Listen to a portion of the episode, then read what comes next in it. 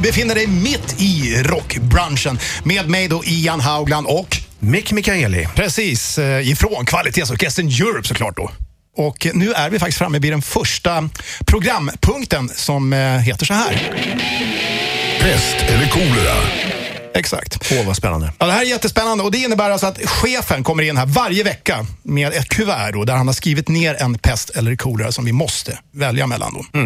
Är du beredd? Ah, kör på. Jag sprättar kuvertet här, får vi se vad fan han skriver för någonting. Ja, jag får rysningar.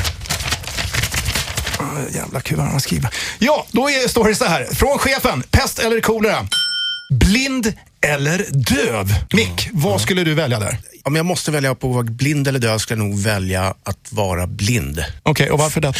Eh, därför att, ja, men jag, dels för att jag älskar musik och jag har väldigt svårt att liksom, tänka mig ett liv utan musik. Och en annan viktig del i livet är sex och det är klart det är fantastiskt att se eh, den kvinna som man vill älska med och, och älskar. Eh, men alltså, jag tror, känslan är också jävligt viktig, att kunna känna på en person och det är en stor Ja. njutning. Min reflektion direkt där när det gäller sex i nästan fall är ju också att eh, vad ska vi säga, eh, möjligheterna till att få sex blir ju större också. Man blir lite mera öppen för man ser ju inte, ofta är det ju det visuella intrycket som gör att man väljer bort en skata eller ja, du vet, att man tycker att den där var ju snygg och hon såg förjävligt ut. Men är man blind då, är det ju, då är det, ju- går man och känner och känns det då liksom mjukt och skönt och sådär. Då är det ju enklare kanske att Ja, precis. Själv då? Vad, vad skulle du välja? Du, nej, jag, må, jag måste ju säga att det är precis samma sak för mig. Alltså. Ehm, jag menar, liksom, det är ju musiken som driver en i livet, så att det är väl därför man...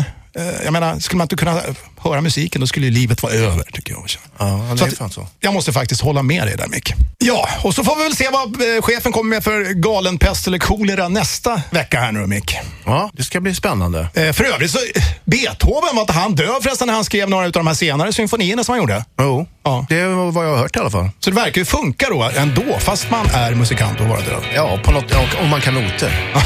Exakt. Det, det, det, är där, det är där vi faller. Där går vi bet. Du, vi tar och lyssnar på lite AC/DC Och på tal om eh, ja, hörselskada och AC/DC Brian Johnson, sångaren, har ju precis tvingats sluta i bandet på grund av att han alltså löper risk att bli stendöd just. Ja, men det är tragiskt och han är ju otroligt bedrövad själv också vad jag har förstått. Ja, precis. Och eh, ja, vi, vi kommer att snacka mer om just det här fenomenet AC/DC, Brian Johnson kontra Axl Rose och Guns N' Roses. Ja. Men nu tar vi och lyssnar på For those about to rock, we salute you på rockklassiker. Rock.